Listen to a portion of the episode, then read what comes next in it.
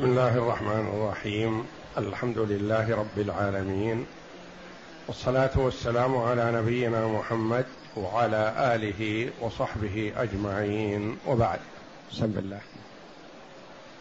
أعوذ بالله من الشيطان الرجيم.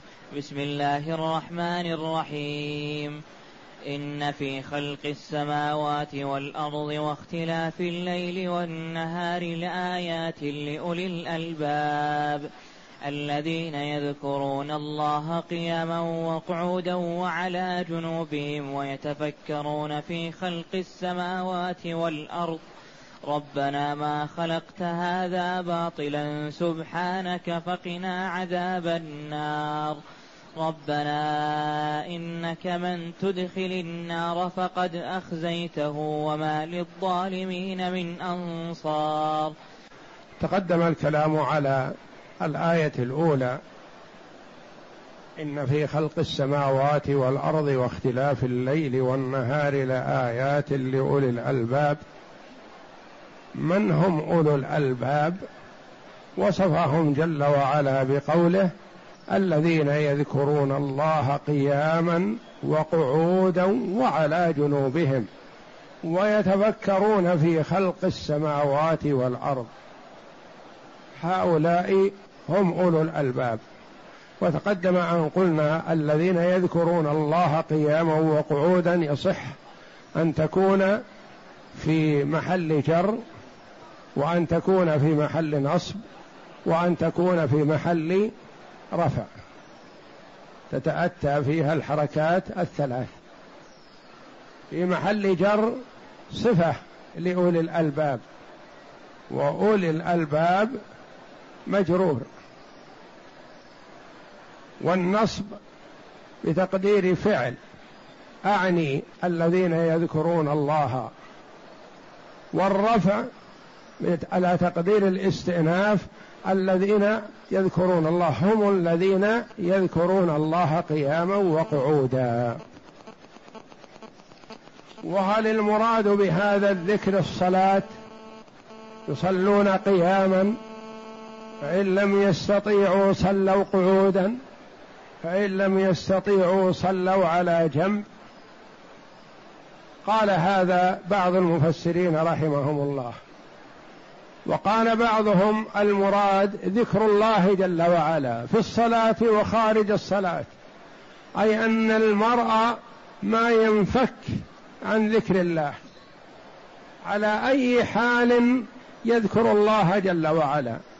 يذكرون الله وهم قيام ويذكرون الله وهم قعود ويذكرون الله وهم نيام وعلى جنب. الذين يذكرون الله قياما وقعودا وعلى جنوبهم ويتفكرون.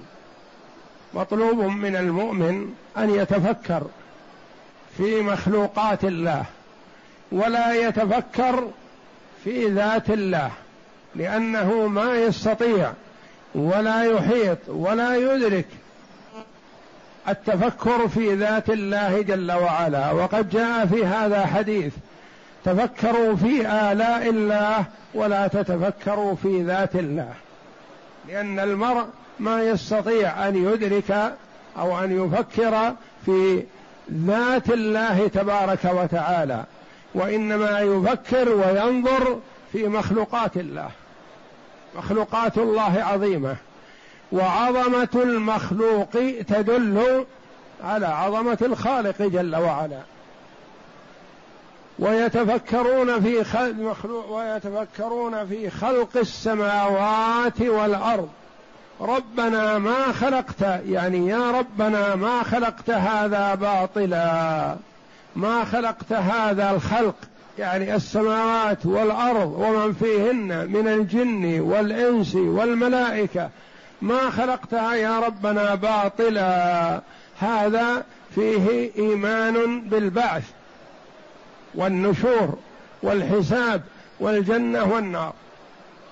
لأنه لو لم يكن هناك حساب ولا جنة ولا نار لكان خلق الخلق على هذه الصفة عبث وباطل. والله جل وعلا منزه عن ذلك لأنه جل وعلا يكلف عباده بالطاعات فمنهم من أطاع ومنهم من عصى.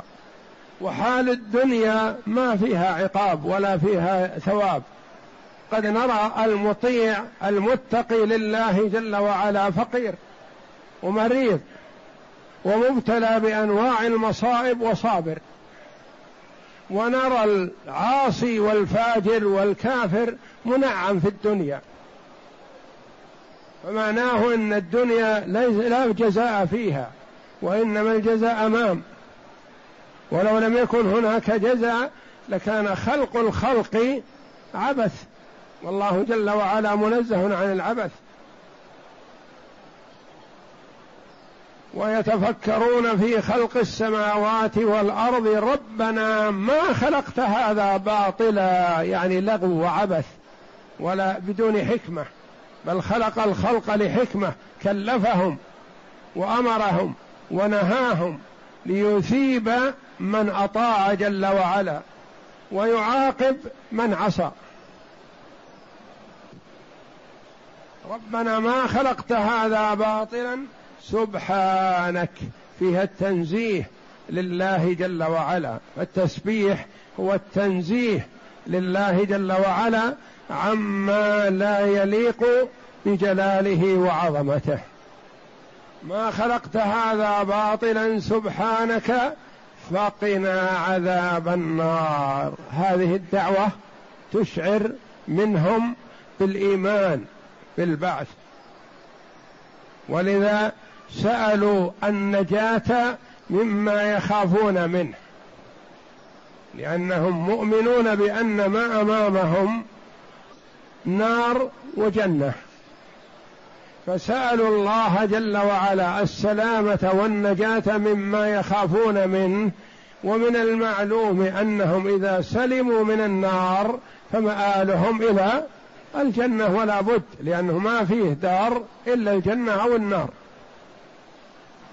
فقنا عذاب النار يعني سلمنا منها. ربنا إنك من تدخل النار فقد أخزيته. لا شك أن من دخل النار فقد أصيب بالخزي والفشل وشهر به في عرصات القيامة وفي أمام الناس أن يوجه إلى النار. ربنا إنك من تدخل النار فقد أخزيته. للعلماء رحمهم الله في هذه الدعوة قولان. منهم من قال المراد من أدخل النار دخولا ابديا. وأما من أدخل النار وهو سيخرج منها إلى الجنة فلا يضير هذا لأنه سينال السعادة فيما بعد. ومنهم من قال من أدخل النار فقد أصيب بالخزي. والفضيحة حتى وإن خرج من النار. فهم سألوا السلامة من النار مطلقا. سألوا النجاة من النار وعدم الدخول لأن من دخل النار وأمر به إلى النار أمام الناس يوم القيامة وفضح بهذا فإنه في خزي. حتى وإن أخرج منها اصابه ما اصابه من الخزي. فهم يسألون الله جل وعلا النجاة من النار وهذا في من سلم منها ولم يدخلها. لأن المرور عليها حتم. حتمه الله جل وعلا وإن منكم إلا واردها. كان على ربك حتما مقضيا. لكن من الناس من يمر عليها كلمح البصر وكالبرق وكجاود الخيل وكالريح وك آه، من ومن يمشي مشيا ومن يزحف زحفا ومن هو والعياذ بالله مكردس في نار جهنم.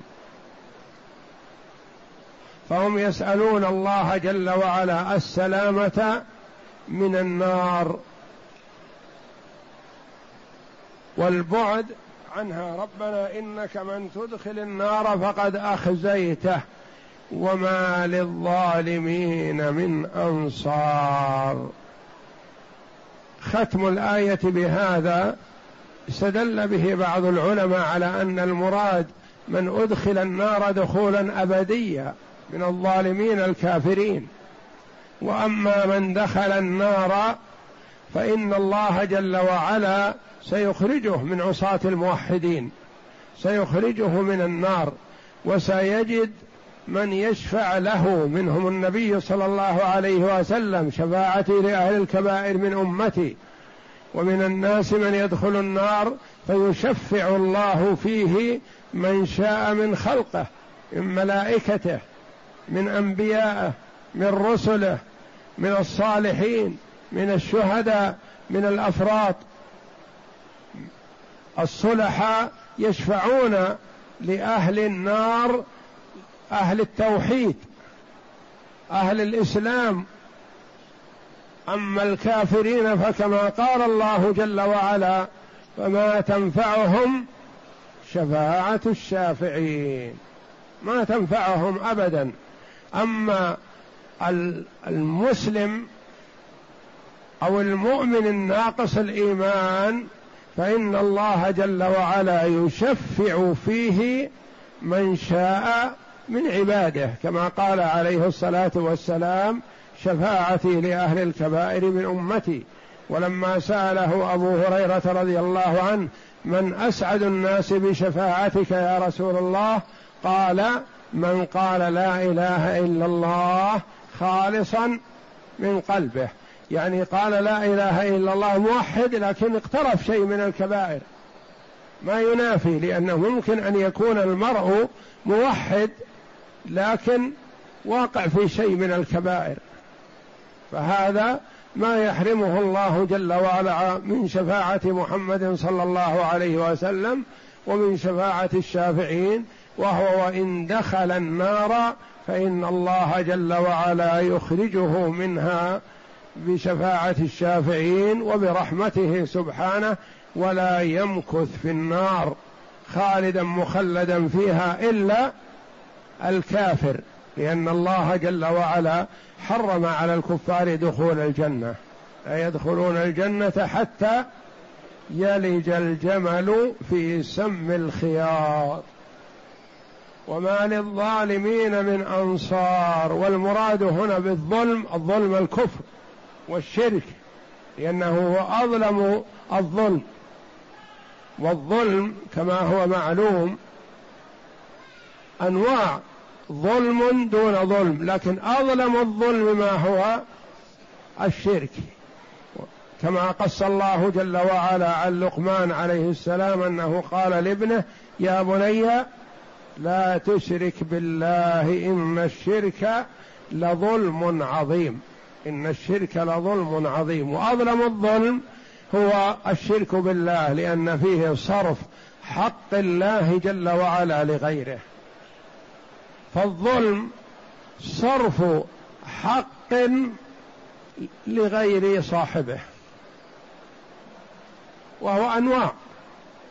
تأخذ كتاب محمد وتعطيه علي هذا ظلم لكن ظلمت مخلوق لمخلوق.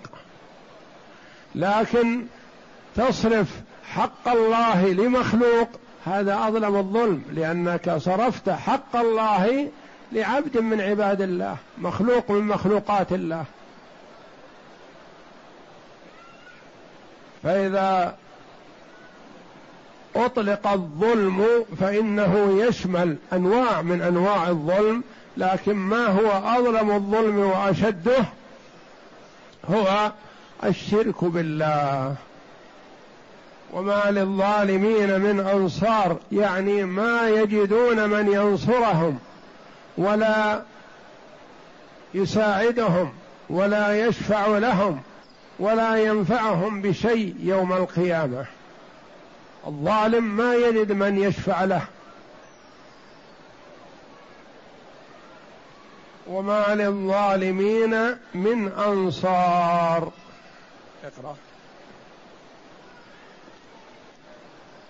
يقول الله تعالى إن في خلق السماوات والأرض أي في هذه أي هذه في ارتفاعها واتساعها وهذه في انخفاضها وكثافتها واتضاعها وفيما وفيها وما فيها من الآيات وما فيها من الآيات والمشاهدة العظيمة من كواكب سيارة وثوابت وبحار وجبال وقفار وأشجار وأشجار ونبات وزروع وثمار وحيوان ومعادن وهذه الآيات كما سبق أنه ثبت أن النبي صلى الله عليه وسلم كان يقولها إذا استيقظ من نومه لقيام الليل يعني قبل الصلاة قبل صلاة الليل.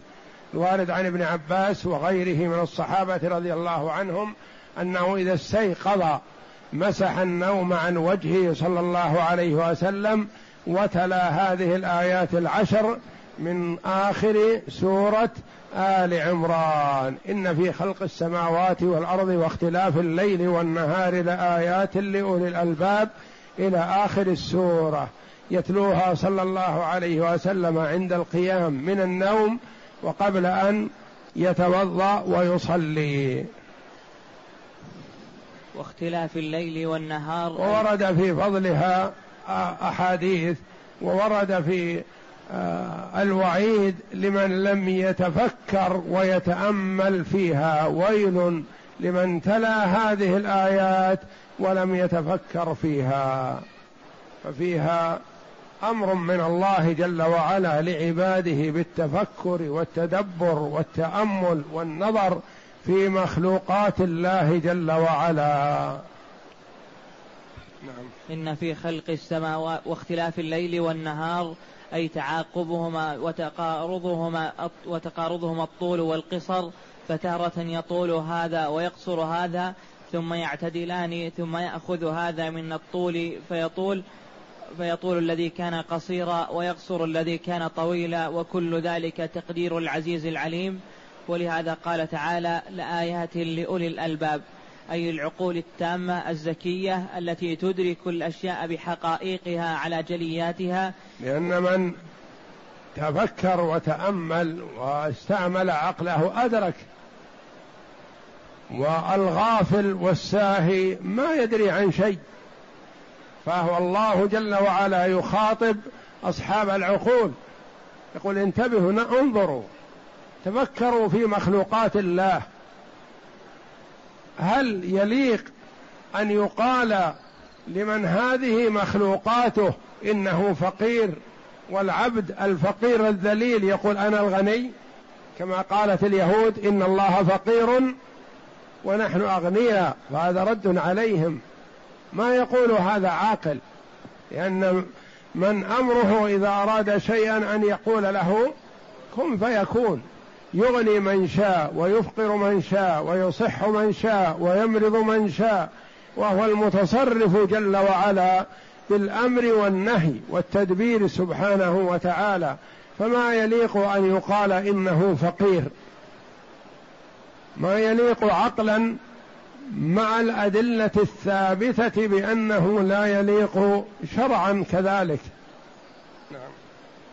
وقوله تعالى وكأي من آية في السماوات والأرض يمرون عنها يمرون عليها وهم عنها معرضون فلما جل وعلا الإعراض عن الآيات والغفلة وأن على العبد أن يتأمل وينظر فيما حوله ويتفكر في مخلوقات الله جل وعلا ليزداد إيمانه بالله جل وعلا واعتماده عليه وتوكله عليه نعم.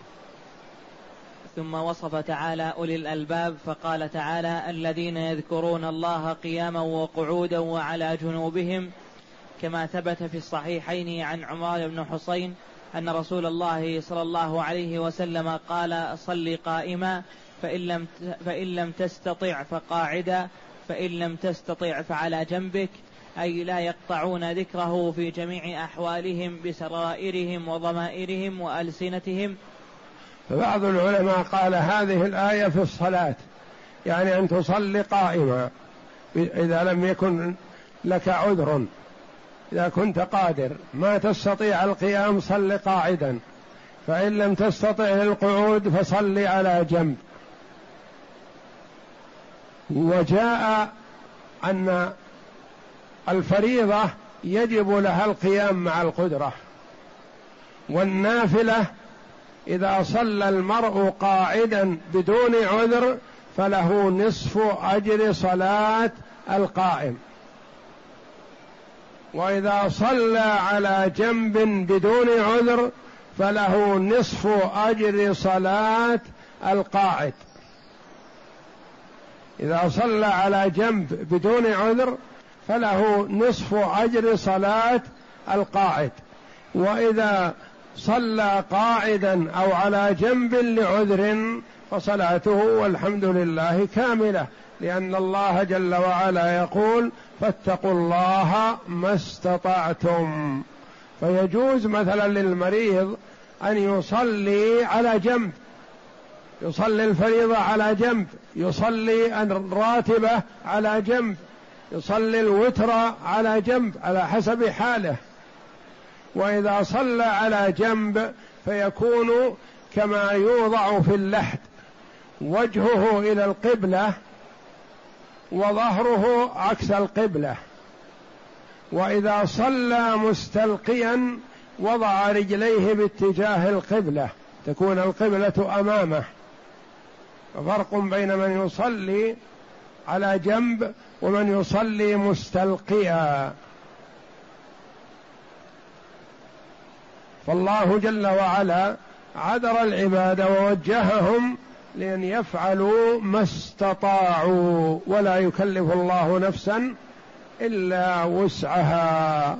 فإذا كان المرء في المستشفى مثلا ولا يستطيع الجلوس لما ركب فيه من أجهزة ونحو ذلك فيصلي على حسب حاله على جنب أو مستلقيا. ومن العلماء رحمهم الله من قال المراد أنك تذكر الله جل وعلا على جميع أحوالك وهذه أحوال بني آدم إنه لا يخلو اما يكون قائم أو قاعد أو نايم على جنب. فلا تنفك عن ذكر الله في أي حال من الأحوال. نعم.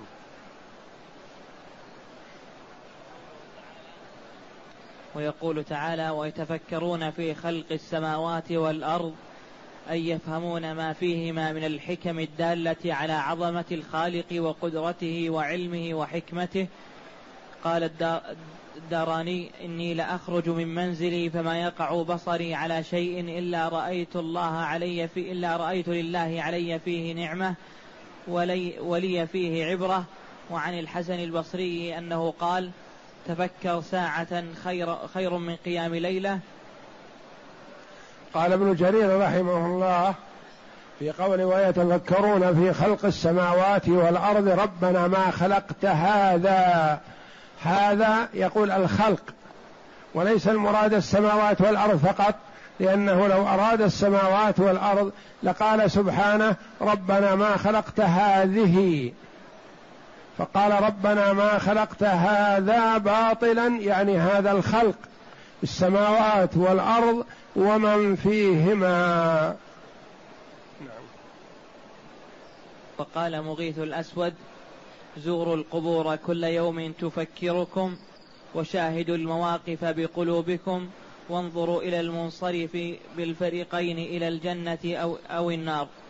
وأشعروا, بق... وأشعروا... وأشعروا قلوبكم وأبدانكم ذكر النار ومقاع وما... وقام...